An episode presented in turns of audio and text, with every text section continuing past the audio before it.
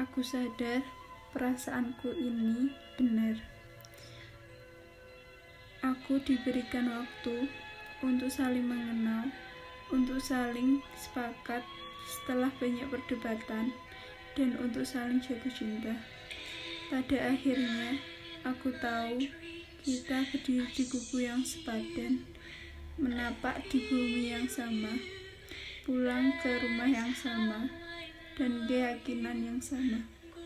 Tapi terlepas dari bagaimana kita pernah dilahirkan dan pernah hidup, aku tahu benar. Kau dan aku, dua yang dengan mudahnya jadi satu. Sesungguhnya, perbedaan kita tidak pernah jadi masalah. Dan suatu saat nanti, saat anak-anak lahir dari rahimku dan cerdik sinar matamu. Tentang cara kita mencintai mereka dan tak akan kita biarkan orang lain ikut campur dalam rumah kecil kita atas nama cintamu atau cintaku.